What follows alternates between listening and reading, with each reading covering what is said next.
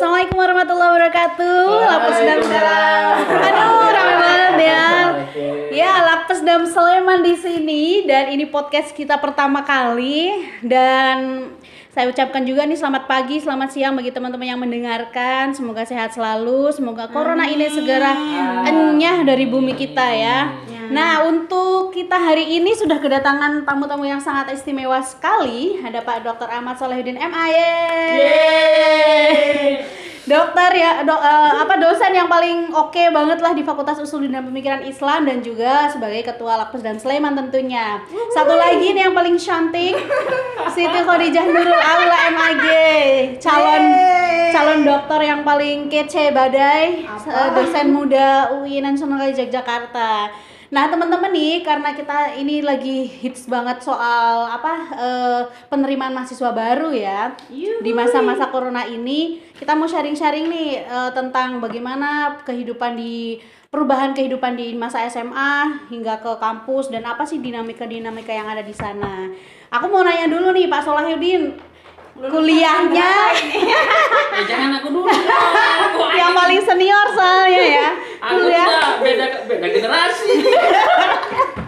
Ini generasi kolonial kita. Iya. Baby boomer, soalnya bapaknya lulus kuliah kita baru lahir. Enggak juga. Tahun berapa Pak dulu, Pak? Eh, masuk ke Jogja tahun 97. Ih, 97. Eh, masih kita masih main kelereng waktu itu kayaknya ya. Aku belum lahir itu. Oke. Oh iya saya juga lupa. Saya Nur Afni Hafso bisa dipanggil Aven sebagai pembawa acara kita pada kesempatan kali ini. Khadijah. Wah. S1 di mana Khadijah? Oh di sini dong. Sini mana? oh iya lupa aku. Di Di UIN UIN, Sunan. di UIN. UIN Sunan Kalau Kalijaga. dulu, ah. masih Yayan bukan? Enggak ya. Udah UIN. Aku IAT loh bukan TH ya. Bagi Oke. generasi TH itu saya bukan generasi TH, IAT sudah baru lah. Oke, Ilmu generasi baru. Al-Quran dan Tafsir. Iya ilmu Al-Quran. Nah teman-teman yang bukan non UIN, bukan non PTKIN mungkin agak-agak sanksi ya, agak-agak bingung dengan istilah-istilah TH, istilah uh, apa namanya Ya, tafsir dan iya. sebagainya. Nah, Iya, itu jurusan-jurusan yang ada di UIN Sunan Kalijaga. Saya juga dengar, saya juga yakin bahwa teman-teman juga bukan hanya dari UIN saja ya, tapi juga dari UGM mungkin UN ya dan kampus-kampus uh, di Jogja lainnya. Nah, eh berhubung nih masih masih anget-angetnya ya, eh, mungkin teman-teman juga yang baru lulusan dari SMA mas- masih agak bingung nanti kuliahnya kayak gimana gitu. Gimana Mbak Khadijah? Apa sih yang membedakan banget dari masa transisi dari SMA ke universitas? Apa ya kalau saya sih ya karena gue kan milenial banget gitu ya. Bedanya paling dulu seragam sekarang nggak seragam gitu oh ya bisa jadi sih. Apa ya lebihnya? Ya jelas beda lah. Tapi Mbak ya kan orang pondokan kan? iya. Nah, itu juga paling menjadi masalah itu. Oh masalahnya di mana kalau pondokannya Pak? Lah, di pondokan itu kan biasanya ter Pondok pak, bukan pondokan. Kalau Oh, pondokan kan Pondok makan itu bisa ya. Jadi pondok pesantren, pondok Iya. pesantren. Jadi kalau di pondok pesantren itu kan semuanya harus anu ya, di terkontrol gitu ya, tidak boleh ke mana-mana, cewek cowok itu Oh, tidak siap. boleh ketemu gitu kan. Begitu masuk Jogja, wah bebas sekali, kayak burung lepas dari Sangkar. sangkarnya. Bisa dibayangin lah sama Mbak Afen. Eh, seperti apa ya? Iya, Sebenarnya tak bayangin dulu ya. Iya. juga, aku di sini juga langsung ke pondok. Wah. Oh gitu. Jadi dari satu pondok ke pondok yang lain. Pondok mana dulu Mbak? Adalah. Inisial apa? Umat. Apa? Eh, inisialnya NU lah. Iya, saya juga dari pesantren. Saya dulu SMP, SMA-nya di Pondok Pesantren Tahfidzul Quran Ala Syariah Wah. Kalibeber ya. Tapi nggak paham bahasa Arab. Dan waktu pertama masuk ke Jogja pun juga eh, sempat sowan kiai dulu enaknya bagaimana. Ternyata diarahkan untuk di pesantren. Jadi akhirnya saya nyari-nyari pesantren dan ya terpilihlah Lukmania sebagai. Oh. masa transisi saya selama satu tahun. Akhirnya saya Ada memutuskan satu tahun itu? Iya dong. saya butuh beraktualisasi diri di organisasi makanya saya keluar. Tapi ya tidak ya giroh ke pesantrenannya tentu masih masih ada sisa-sisanya lah ya. Gimana Pak? Pak Pak Soleh dulu pesantren juga atau gimana Pak? Wah, saya itu nggak boleh kuliah kalau nggak di pesantren, ya itu kan masalah ya. Oh, pesantrennya dulu kayaknya di masjid-masjid gitu ya. Saya, saya di Marbot. UNSC, saya di Oh. UNSC. Ya, saya di Oh, UNSC. UNSC. Jadi setelah Eh, dari Jember kemudian ke Yogyakarta sempat di pesantren selama tiga tahun. Wah, lama juga ya. Lama- paling lama ini Pak Saleh 3 tahun, aku 2 tahun, ini satu tahun. Berarti yang jelas siapa ya yang paling tinggi Iya, ilmunya Pak. ya jelas lah. Iya. Itu tidak bisa dijadikan ukuran paling tinggi ilmunya itu. Tetap Kalau di pondok ya tidur tidur doang ya dapat apa? Udah saya satu tahun kerja aja di pondok juga nggak pernah jelas ya. Cuman Gimana pak? memang masalahnya yang perlu diperhatikan itu ketika kita ya era saya dulu itu mungkin tidak seperti sekarang ya. Era Hmm. saya dulu itu eh, Jogja itu masih ya katakanlah sangat ramah ya, sangat ramah. Jadi betul-betul kota pendidikan. Hmm. Jadi betul-betul kota pendidikan. Kalau sekarang itu sudah berubah sekali ya betul masih kota pendidikan, tetapi kan industri pariwisata juga sudah masuk gitu ya. Jadi ya perlu perlu upaya ekstra deh untuk menyesuaikan, terutama kawan-kawan yang berasal dari desa. Desa Wah gue dong. gue udah desa, kampung, gunung lagi. komplit lah. Jadi eh, misalnya begini ya, dulu kita misalnya ketika di SMA eh, kawan-kawan kita atau di pondok gitu, apalagi di pondok ya, itu kan kawan-kawannya homogen, sejenis Iya, gitu iya. ya, bukan sejenis kita kemudian. Jangan dibayangin yang gitu-gitu deh, gitu kan. Maksud, lah iya, coba kita eh, kawan-kawan yang di pondok itu, kalau masih SMA kan ke mana-mana dengan sesama ya cowok cowok terus cewek cewek terus. Ketika nyampe Yogyakarta kita akan ketemu dengan lawan jenis. Ini godaan pertama ini Oh oh oh oh. ini godaan pertama Ya ya. ya. harus disikapi ya kalau Mbak Khadijah kan tidak tergoda dengan kayak gitu Saya tergoda ya. Tergoda kalau 7 tahun ya. Ah, terus yang kedua yang kedua itu tentu homogen juga secara keagamaan biasanya gitu kan. ketika kita nyampe Jogja itu kawan-kawan akan ketemu dengan beragam eh, apa namanya tradisi keagamaan. Kalau misalnya yang dari Jawa Timur kayak aku ya aku tradisinya NU nih. Oke. ketika nyampe Jogja itu untuk cari masjid yang apa namanya amalannya seperti NU itu juga sulit loh ternyata. Sholat Jumat tiba-tiba harus dengan satu adzan padahal dua adzan gitu. Oke. Hmm. bahkan ada mahasiswaku itu sampai cari masjid yang adzan dua kali. Orang Madura kawan dari Madura ini di Madura kan NU ketel gitu ya. Nyampe Jogja kemudian ketemu dengan masjid yang satu azan. Wah bingung dia. Gimana ini sholatku sama enggak itu akhirnya dia cari ke mana-mana itu Iya iya. gitu. Nah itu itu yang kedua itu yang kedua tuh. Terus juga mungkin ketemu dengan lah ini yang yang agak mengkhawatirkan sebenarnya ketika ketemu dengan ah, ideologi ideologi keagamaan. Oh iya iya. Benar-benar itu. Nah, mungkin eh, kawan-kawan muda deh yang lebih tahu itu. Kalau saya kan sudah zamanku itu nggak ada gitu-gitu kayaknya. Iya, ada yang iya. sedikit gitu ya. Eh, pengalaman Mbak Hodijah mungkin Mbak ada nggak pengalaman ketemu dengan ideologi yang sangat sangat apa ya str- eh, sangat saklek gitu terlalu kanan mungkin terlalu kiri mungkin gimana pengalamannya Mbak? Eh, kalau aku sih secara pribadi nggak pernah ya tetapi hal itu ya ya ya bisa dimaknai juga karena kan ideologi itu kadang-kadang menarik juga kita kan masih mahasiswa baru datang dari saya dari pelosok desa begitu datang ujuk-ujuk ke Jogja Ternyata Pak Otija orang desa ya. Kelihatan kali. Enggak enggak cantik cantik kayak ini kok. ya terus tiba-tiba datang gitu kan mereka kan tawarannya iming-imingnya enak banget kan nanti udah punya pondok belum udah punya kos-kosan belum nah kita kan yang sebagai orang yang newbie nggak tahu Enggak enggak apa-apa. itu maksudnya ah, siapa yang ngajak-ngajak itu siapa? ya itu mungkin kan kakak angkatan begitu. Oh. kita kan nggak bisa ya nyebut itu siapa bisa jadi kan itu juga oknum-oknum Nah, ini. Jadi mereka ngajak mereka nganter bahkan ya kita kan jadi ngerasa diperhatikan kan kan Oh, haus iya. perhatian juga toh mahasiswa baru Ih, tapi aku juga dulu pernah ya. Jadi Hmm. waktu kenapa eh, mungkin aku jatuh di tangan yang tepat gitu. Ah, ah, jadi dulu tuh waktu ke Jogja pertama kali tuh nggak sama orang tua kan, jadi sama temen doang dan nggak tahu mau turun di mana. Katanya sih di UIN, tapi aku ngelewatin sana apa wanita tama itu dua kali. Terus kata yang apa namanya Trans Jogjanya tuh bilang, mbaknya mau turun di mana? Mau di UIN, tapi kok nggak kelihatan UIN UIN-nya. Ya turunnya itu harus di wanita tama katanya gitu. Ya ampun, akhirnya aku turun di situ dan aku kenal mas-mas yang belum aku kenal sama sekali uh, cuman dikenalin dari dari tem- kakak angkatan katanya nanti kalau ke Jogja ketemu sama Mas ini. Nah, akhirnya di ketemu sama Mas itu dan diantarkan ke pesantren gitu. Maksudnya diantarkan di dikasih kasih jalan gitu.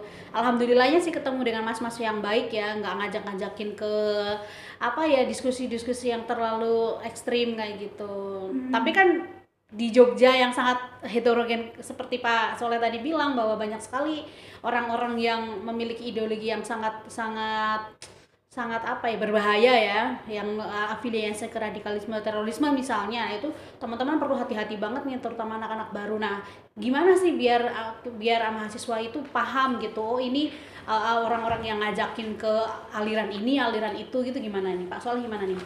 Aduh, itu gimana ya? Jadi, Dibasmi aja. tetapi Pak, eh, saya bukan bukan bagaimananya ya, tetapi lebih kepada bagaimana leb- eh, proses itu terjadi. Jadi ini terjadi, misalnya mahasiswa saya dulu itu, dia orang baik, dia orang kampung, gitu. Yang ketika ke Jogja itu dengan semangat keagamaan. Jadi selain semangat belajar juga ada semangat keagamaan yang kuat. Tiba-tiba dia didatangin orang, tiap hari didatangin untuk ikut pengajian gitu kan. Eh, terus kemudian hampir tidak punya lah, tiap hari didatangin seperti itu, hampir tidak punya kesempatan untuk nolak. Akhirnya datang. Hmm. Datang pertama, dikenalin datang kedua, datang ketiga, datang keempat, datang kelima, itu sudah menjadi Masuk. bagian dari mereka. Ini mungkin harus hati-hati juga. Jadi menurut saya yang harus dilakukan ya bergaulah dengan yang pertama ya. Kalau ada itu dengan komunitas etnisnya. oh iya benar Jadi misalnya kayak dulu ya Mbak Afni kan eh, selamat tuh ter- ternyata ke- Iya. karena ketemu dengan seniornya kan. ya seniornya Nah, saya juga de- demikian dulu.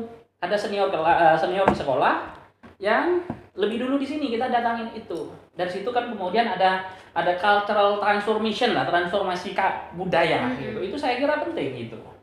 Bener juga sih ya, soalnya kita kan nggak tahu dari desa nggak tahu apa-apa tentang kehidupan kota yang sudah sangat kompleks, tiba-tiba jatuh aja ke aliran-aliran yang mm, mohon maaf ya agak-agak agak-agak berbahaya gitu. Nah, Siap. apalagi mungkin nggak sih teman-teman mahasiswa eh, calon-calon mahasiswa itu juga dibekali dengan apa ya memaham critical thinking gitu ya untuk bisa mengen- mengenali mana yang berbahaya bagi dia dan mana yang baik buat dia. Mbak Hodijah gimana nih? Mungkin sih Mbak, tapi kalau menurut saya benar kata Pak Saleh yang memungkinkan itu baru komunitas dari mana dia berasal atau komunitas kakak kelas dia waktu SMA begitu.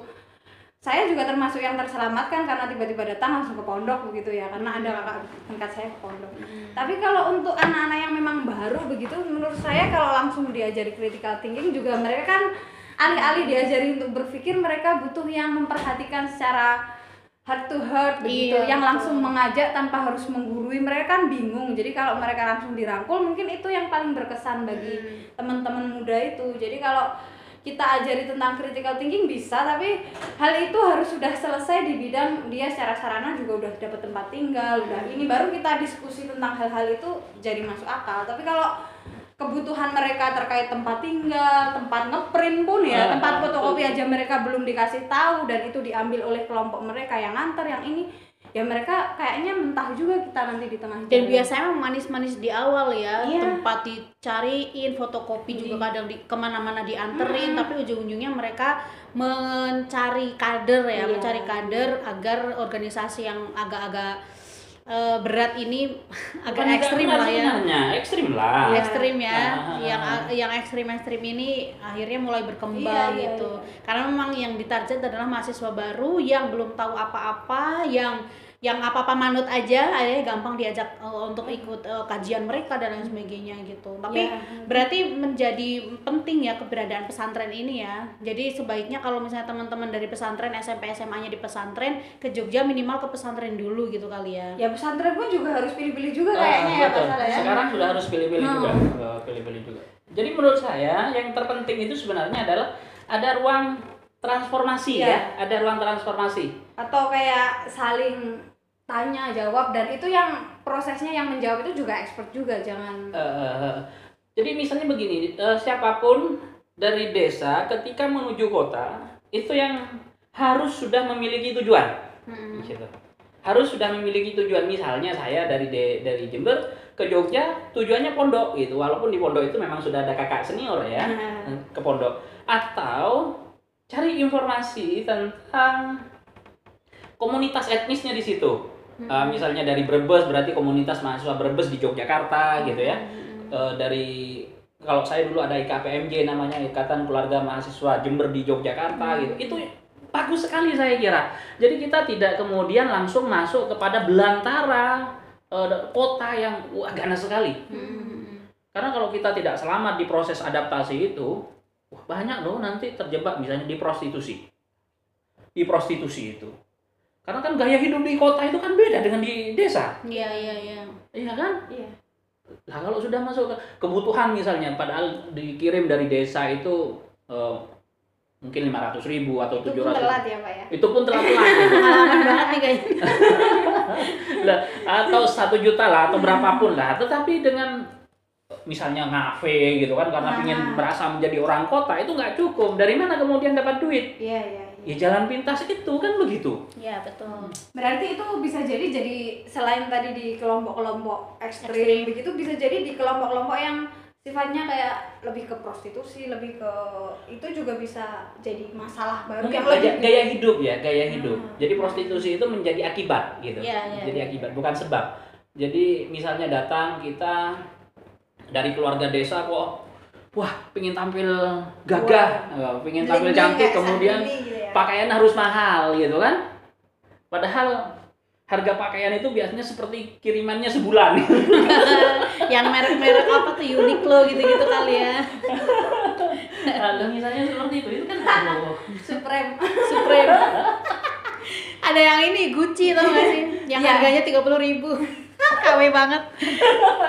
ya tapi tapi ini menarik ya karena eh, pengalaman aja waktu masih masih unyu unyu di Jogja pertama Uh, kali di- pernah berarti. wah pergi ke mall itu rasanya udah udah udah wow banget. Tapi lihat harga harga yang mahal kayak gitu ya udah kembali lagi ke sekolah misalnya.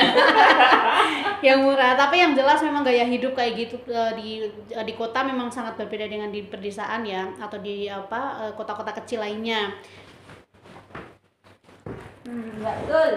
Eh, jadi menurut Pak Soleh nih lagi-lagi eh, tips-tips yang bisa di share ke teman-teman eh, apa namanya teman-teman baru lah ya itu selain pesantren selain juga harus eh, melihat gaya hidup seseorang itu juga harus seperti apa Pak di Ya. di dunia pe- eh, apa akademik terutama Kalau eh, mungkin belum ke akademik dulu, mungkin belum ke akademik dulu. Jadi yang juga harus diperhatikan itu pergaulan. Yang harus diperhatikan itu pergaulan.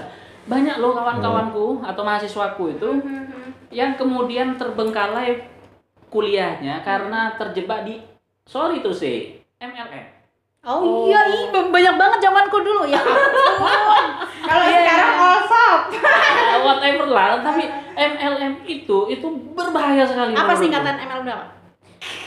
Eh, Multi level marketing. ya. Ya. multi level marketing Aku Oke. nggak pernah. jadi kerjaannya tuh nyari-nyari apa Nyari nasabah-nasabah gitu ya oke Heeh. gimana pak Jadi MLM itu ada Iya saat itu kan ya sebagai orang desa coba tiba-tiba ada orang datang ke kita e, dek pingin kuliah mandiri nggak siapa yang nggak pingin pasti pingin pingin kuliah sambil membantu ekonomi keluarga nggak itu pertanyaan penting itu yang pasti kita dengarkan itu. Terus kemudian dari situ itu baru kemudian kalau pingin itu ayo ikut dengan saya. Bisnisnya mudah kok. Apa itu? Ya cuman memperkenalkan produk. Itu pertama kali itu. Tapi ketika nyampe ke sana kita diminta beli produk. Ini titik masalah. Karena di situ kemudian ada mimpi-mimpi yang dibangun ya, jadi mimpi-mimpi. Kalau dirimu bisa bawa satu orang atau eh, sukses mengambil satu orang kamu akan dapat fee segini. Dua orang kamu akan segini. Fee, eh, tiga orang kamu akan naik derajat. Terus begitu. Bahkan mungkin pernah kan kawan-kawan dengar istilah eh, apa diamond eh, Ya, apalah gold gitu ini. gold diamond dan segala macamnya itu. Itu kapal pesiar gitu ah, kapal pesiar. Mercy. Iya. dan segala macamnya. Ya. Ini siapa ini? Tiba-tiba datang. Tapi atas selamat datang Mas Dery dosen muda UN Sunan Kalijaga Jogja. Kita akan sharing lebih jauh nanti ya karena Mas Dery pengalaman jauh lebih lebih ekstrim dari kita. Kita kena pesantren dia nggak. Dia anak kolong. Kem- Kembali lagi ke MLM tadi. Ah. Apa? Diamond diamond itu apa tuh? Eh, ya itu jadi eh, ada mimpi yang dicoba ditanamkan kepada anak yang baru dari desa ini gitu ya kemudian si anak ini mau tidak mau dia akan ikut tetapi untuk ikut itu kan bukan persoalan mudah biasanya mereka akan disuruh beli produk. Yang harganya biasanya ya lumayan mahal. Bisa sampai sekian juta. Ya bisa saja 500 ribu. Cuman kalau 800 ribu untuk balik itu biasanya lama gitu ya. Sampai kemudian sekian misalnya satu juta. Mereka bayangin dengan investasi satu juta maka saya akan dapat segini segini segini. Itu mudah sekali tapi prakteknya itu akan sulit. Oke, oke. dan untuk bisa dapat satu juta biasanya mahasiswa itu akan pinjam atau dia akan menggadaikan laptopnya. Waduh, hadiah. kejadian kejadian. Anak eh, anak IAT dulu juga seperti itu. Hah? Ilmu Siapa Al-Quran dan tafsir ya teman-teman ya. jadi curhat kan curhat. Aduh ini gimana ini laptopku? Ah, nggak bisa ngerjain tugas karena laptopnya ternyata digadaikan. Oke. untuk ikut LMM itu bayangan dia kan mudah ya cuman bawa orang gitu ternyata kan nggak mudah juga gitu Tapi ada juga dulu waktu aku aku kuliah kan 2009 ya. Jadi Hmm. ada sa- sa- teman lah yang yang memang expert di situ Nah. ya. Jadi udah bertahun-tahun katanya di situ. Terus dia ngundang temennya lagi bawa mobil. Tahu-tahu mobilnya ternyata sewa.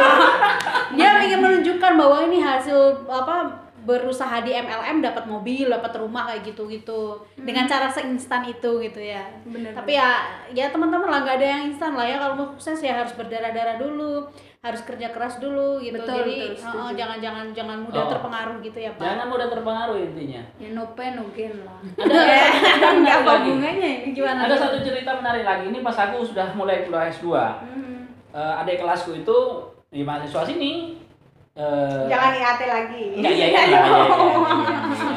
Jadi mahasiswa sini, adik kelasku, aku kan kuliah di UGM ya S2-nya. Oke. Jadi ya karena dia adik kelas, aku pingin deh main ke rumahnya dia jam 9 pagi itu. Ketika aku masuk, eh, bukan rumah ya, kosnya dia. Ketika aku nyampe sana itu dia baru bangun tidur. Mm-mm. Mas, baru tidur, mas, baru tidur. Jam sehingga- berapa itu Pak? Jam sekitar jam 9, jam 10. Oke. Wah. Ya aku bilang, eh ketok ketok pintu, cowok ya, cowok bukan cewek, cowok. Cewek juga nggak apa-apa. masa main ke kosan ah ini juga bahaya ini ya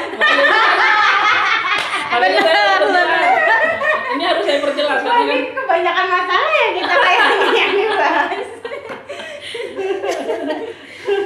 jadi saya ketok pintu heh wi duit duit namanya Aduh Nah, Bapak jangan seperti ini dong. lah enggak orang orang jauh sana Pancalah. ya deh Dwi Dwi dan. Dewe, Dewe, Oke. Dewe. Dek, duit itu kan banyak sekali tuh yo Gak apa-apa Dwi cowok ya. ya. Dwi cowok namanya cowok. Eh, tinggal di daerah sana di daerah Dabak sana KM terus saya masuk eh mas bangunlah masa jam segini masih tidur lah coba bayangin dari tidur kemudian duduk terus ngomong gini saya Din eh, dirimu pingin nggak kuliah gratis? Loh aku sekarang gratis dapat beasiswa. Nggak bukan itu. Coba kamu bayangin jika beasiswamu itu bisa dikasihkan ke orang tua? Lah cuman karena aku pernah diajak MLM saya langsung MLM yo. Langsung notice ya. langsung dia diem coba. Ah ternyata dia sedang bermasalah juga gitu. Karena dia kan harus Ya. dalam tanda kutip tutup buku lah gitu ya Hmm, untuk mengembalikan modal yang sudah Mm-mm. Diinvestasikan Dengan mengorbankan orang lain. itu jahatnya menurutku jadi dalam MLM itu ya mungkin ada MLM yang baik ya mungkin MLM mungkin mungkin, mungkin lah tapi aku kenal MLM itu ya seperti itu semua ya gitu Oke, Gitu. itu dari cerita apa zaman old ya. wah Enggak, kita juga zaman zaman old. lagi lah ya. 2009 itu juga udah lama, jadi itu cerita halu-halu yang zaman dulu lah ya. Gimana Mas Dari? Tapi Mas Dari ini baru datang ya teman-teman karena rumahnya jauh dan memang jam terbangnya sangat tinggi. Wah dia megang banyak ini website orang-orang gitu ya luar biasa ya apa, apa teknik-teknik belajarnya dan lain sebagainya yang bisa di-share ke kita Mas Dari. Kita sudah tadi membicarakan mengenai eh, apa sih yang perlu dipersiapkan mahasiswa baru dari SMA ke universitas. Sudah ada tadi eh, apa penangkal radio apa radiologi radio loh Pa- apa penangkal dari radikalisme kemudian eh, apa namanya iming mungkin mbak eh, MLM dan juga eh, apa tadi namanya eh, yang prostitusi dan lain sebagainya ya. Nah dari Mas Dery nih, gimana sih biar anak-anak baru yang ah, baru datang ke Jogja ini bisa menyesuaikan diri dengan baik, biar husnul khotimah. Gimana Amin, Mas Dery? Alamin. Yang seperti apa dulu itu? Masih bingung. Nah, jadi kan karena kita semua kan dari pesantren ya, Pak Soleh dari pesantren mana Pak? Eh, Wahid Hashim, Khadijah, Nurul Umah, saya dari Lukmaniyah, Mas Dery ini satu-satunya yang nggak pernah pesantren karena rumahnya di sini ya. Jadi pandangannya tentu berbeda. Kalau kita kan berangkat dari rumah langsung ke Jogja langsung pesantren. Mas Dery kan nggak dari lahir di sini ya Mas ya. Iya. Nah itu gimana Mas? Bedanya apa sih? Iya. Sebenarnya kalau berbicara pengalaman ya saya se- sedikit menyesal juga karena tidak tidak masuk pesantren gitu ya. Tuh ya yang mau pesantren. Iya. Karena mungkin saya sudah dijal- eh, ditakdirkan untuk masih di jalur agama gitu ya. Eh, di awal eh, ketika saya pengalaman itu SD ketika sekolah dasar saya dimasukkan di SDIT di Bandung. Oh, Eh, lalu kemudian ketika lulus eh, SMP itu saya ada tahu bukan ditawarkan tapi orang tua saya menyuruh ke masuk salah satu pondok pesantren. Tapi waktu itu saya menolak menolak untuk masuk pesantren karena mungkin mindset saya sendiri dan mungkin pada pada zaman itu memang pondok pesantren terkenal agak mengerikan itu kan tidak bisa pergi ke mana-mana dan sebagainya. Itu yang yang terjadi mindsetnya tapi tidak lama saya pindah ke Jogja tahun 2004 ternyata saya dimasukkan ke salah satu SMP yang memang berbasis eh, agama juga berbasis agama tapi ber- berbeda dengan apa eh, background saya yang di awal tadi SDIT itu Eh, lalu SDIT dong. Lalu ketika saya lulus SMP, itu juga masih memegang istilahnya ada agamanya sendiri berbau agama. SMA pun ternyata tidak jauh berbeda. Tidak jauh berbeda, ternyata saya dimasukkan ke dalam satu yayasan. Itu berbasis agama juga, masih berbau agama juga. Eh, mungkin pada zaman itu terkenal dengan eh, ajarannya Isa Bugis mungkin. Ada yang mengenal di situ Isa Bugis. Waktu itu juga sempat dibilang bahwasanya itu ajaran sesat dan sebagainya. Nah, saya masuk ke yayasan itu ketika SMA. Oh, oh, oh. Eh, lalu kemudian eh, kemudian saya masuk masuk masuk di UIN. Itu sebelumnya saya mendaftar di UNJ atau SMPTN itu kan tidak diterima semua. Tapi, tapi terakhir saya masuk masuk UIN gitu kan. Makanya ketika saya masuk UIN ada sebuah penyesalan kenapa tidak masuk pondok pesantren dari dulu gitu kan kalau memang tahu di akhir saya harus masih di jalur agama sendiri gitu kan. Karena melihat background kakak saya itu banyak di negeri dan swasta. Adik saya pun seperti itu. Negeri dan swasta juga gitu kan. Tapi kok saya sendiri ada di jalur yang bisa dikatakan berbau agama sendiri gitu kan. Mantap. makanya saya ada agak penyesalan ketika masuk S1 sudah berjalan berapa semester eh, tidak tidak masuk pondok pesantren pada zaman itu gitu kan. makanya eh, jika untuk persiapan sendiri dari oh, teman-teman yang memang bukan ber- basisnya atau backgroundnya pondok pesantren agar cepat menyesuaikan saja gitu kan dengan teman-temannya karena memang eh, untuk di UIN sendiri memang masih kuat untuk berbau agamanya sendiri gitu kan. itu Tapi pilah-pilih ya ya pesantrennya ya. pilih-pilih memang Tapi biar tahu pesantrennya itu alirannya kayak gimana, ada solusi nggak? Eh menurut saya pertama bisa di mungkin bisa kita di era digital sekarang ya itu kita bisa mengecek di eh, website-website yang memang resmi dia membuka eh, pondok pesantren gitu kan itu memang sudah berkualitas juga menurut saya. Lalu yang kedua mungkin dari eh, yang sudah dikenal di, di masyarakat juga masyarakat umum bahwasanya itu memang pondok pesantren yang bisa eh, membuat ataupun banyak orang-orang yang sudah dilahirkan hebat di sana gitu. itu sih kalau menurut saya Ayo, dan jadi- tadi eh, nyambung juga ke Pak Soleh ya. Jadi kalau mau ke pesantren, alangkah baiknya juga ada channel sana kakak tingkat lah, Iya. saudara atau apa gitu saudara ya. ya sanak sanak saudara teman keluarga yang memang ada di satu daerah dia mengenal pondok pesantren tersebut gitu kan jadi tidak asal memilih pondok pesantren Oke. Nah, sekarang masuk ke akademik nih. Kita kan eh, masuk ke PT PT ya, perguruan tinggi negeri maupun PT KIN ya. Eh, itu kan susah ya. Nah, Eh, aduh dulu dulu teman-teman tuh banyak gitu dari pesantren saya difasilitasi 15 orang diantar gitu ke sini. Tapi yang keterima cuma cuma tiga kalau nggak salah ya dari Iya. 15 Tes orang. PTN ya Eh, ya dulu jadi nginepnya di mana itu udah disiapin sama sama apa pesantren dulu. Baik banget sekolahku itu. Jadi Iya, iya. pakai mobil ke sini bareng-bareng untuk ujian. Nah tapi setelah ujian diterima apa enggaknya udah berangkat sendiri-sendiri dong. Nah Iya, iya, ini iya. tips-tips nih buat teman-teman yang hari ini bingung ya? bingung gitu. Tapi sebenarnya yang pertama adalah memilih jurusan kali ya. Gimana nih tips-tipsnya buat memilih jurusan yang sesuai passionnya? Oh kalau memilih jurusan mungkin nih Dari dari passionnya dari itu saya agak ada cerita juga itu. Sebenarnya ketika saya mau masuk kuliah itu memang sudah di awal sudah bernazar bahwasanya saya harus masuk negeri. Kalau saya selain negeri eh, karena waktu itu kan memang ekonomi eh, keluarga eh, dari keluarga saya itu memang masih agak belum Goyang. belum gitu eh, ini kan masih eh, adaptasi di Jogja. Makanya kakak saya di swasta kuliahnya lalu saya berpikir saya bagaimana meringankan ini ya saya harus masuk negeri. Gimana gimana sesuatu. caranya harus masuk negeri gitu kan. Kalau tidak masuk negeri saya mending mending ikut bantu orang tua di situ modelnya. Lalu saya masuk eh, SMPTN saya tidak diterima. Lalu ketika saya mencoba daftar di salah satu kampus swasta itu diterima. Cuma saya konsultasikan dan saya berpikir oh dengan biaya segitu saya masih agak ragu kan. Akhirnya ada tawaran teman coba didaftar di UIN untuk eh, gelombang kedua katanya dicoba. Mandiri ya? Eh, mandiri kedua. Eh, lalu ada salah satu jurusan yang memang basisnya masih sosial di sana. Saya menemukan yaitu salah satu jurusannya itu pengembangan masyarakat.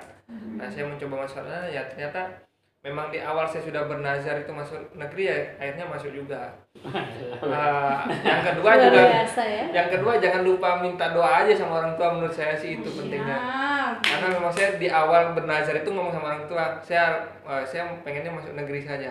Oke. Kalau swasta ya mending saya ikut kerja Luar aja. biasa. Wah, luar biasa. Bahwa Dijah nih yang yang paling paling apa nggak nggak berliku-liku? Gimana? Liku gimana, juga. Gimana Nggak prosesnya bisa masuk berliku. perguruan tinggi negeri?